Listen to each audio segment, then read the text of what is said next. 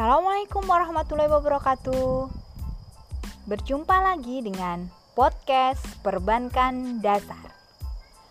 Perbankan dasar itu asik.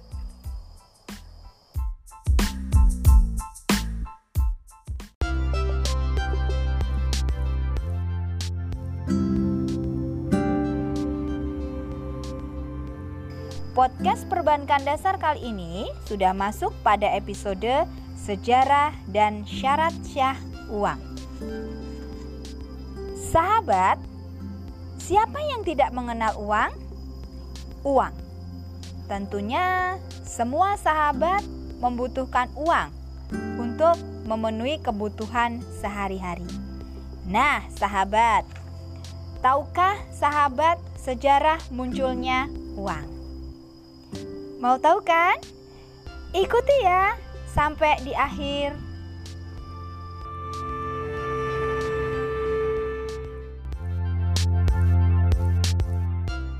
Beras, beras, beras, beras. Ayam, ayam, ayam, yang mau beli ayam. Berapa ayamnya? Saya butuh satu ekor. Saya juga butuh beras, Pak. Kalau begitu, kita saling tukar-menukar beras dengan ayam ya. Saya punya lima kaleng beras. Saya tukar dengan satu ekor ayam kampung. Bagaimana? Baiklah, Pak. Saya mau menukarkan ayam saya dengan beras Bapak.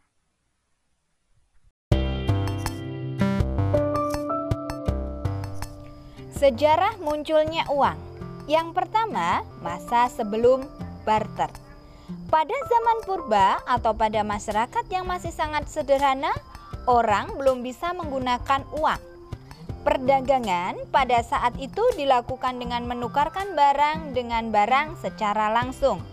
Nah, cara ini dapat berjalan selama tukar-menukar masih terbatas pada beberapa jenis barang. Masa yang kedua adalah masa barter. Pada masa barter, masyarakat pada mulanya belum mengenal pertukaran. Apa yang diperoleh dimanfaatkan untuk memenuhi kebutuhannya.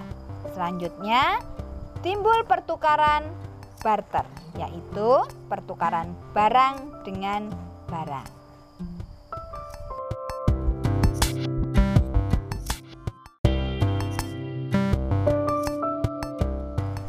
Sahabat, sistem barter ternyata terdapat kesulitan-kesulitan.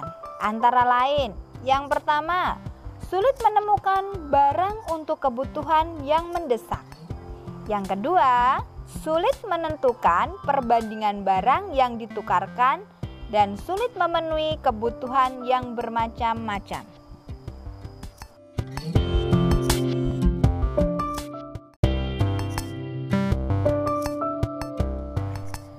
Sebagai ilustrasi untuk sistem barter, misalkan ya, Pak Ali mempunyai satu keranjang jeruk.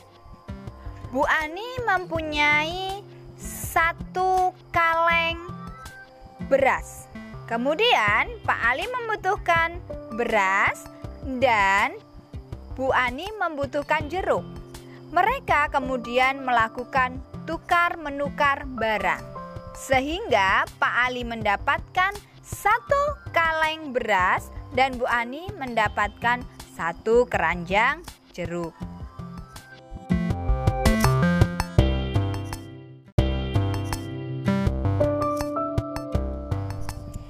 Yang ketiga, sistem uang barang.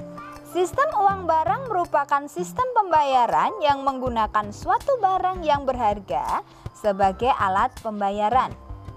Pada masa itu, orang bersedia menukarkan barang yang berharga untuk mendapatkan barang yang mereka butuhkan.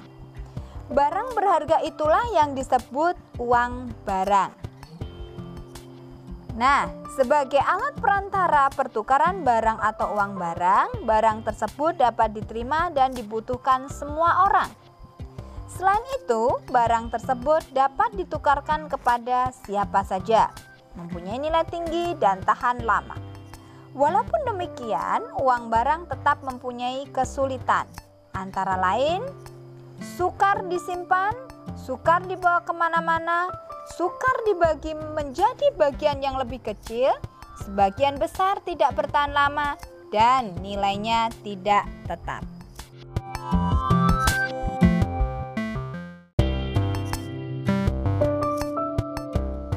Sahabat, uang pada dasarnya diartikan sebagai sesuatu yang dapat diterima oleh masyarakat umum sebagai alat pembayaran dan alat tukar-menukar yang syah. Nah, sahabat, apa syarat syah uang? Mau tahu? Mari ikuti kembali.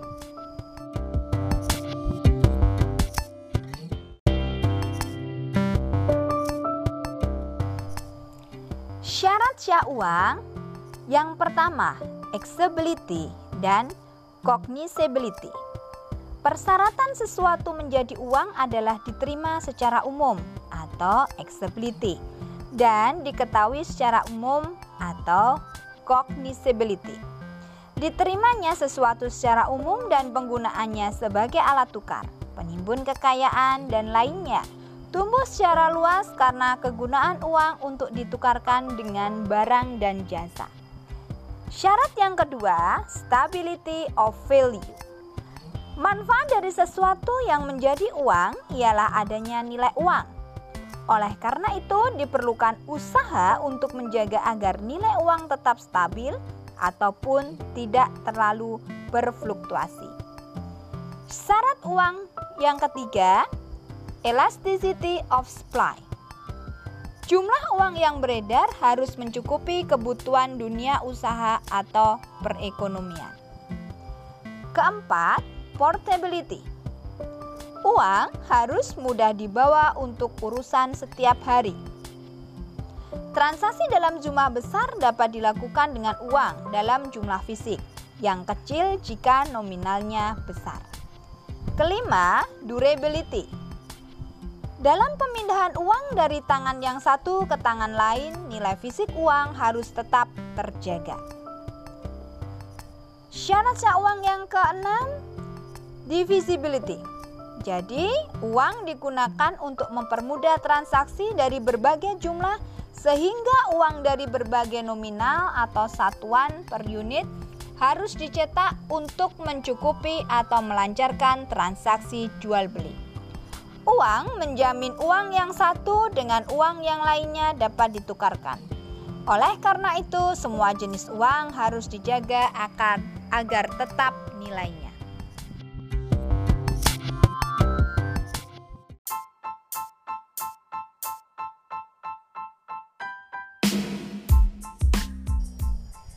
Nah, bagaimana sahabat? Sudah paham belum tentang sejarah dan syarat syah uang? Semoga materi kali ini dapat bermanfaat untuk sahabat semua. Selamat berjumpa di episode selanjutnya. Terima kasih. Dadah. Podcast Perbankan Dasar Asik.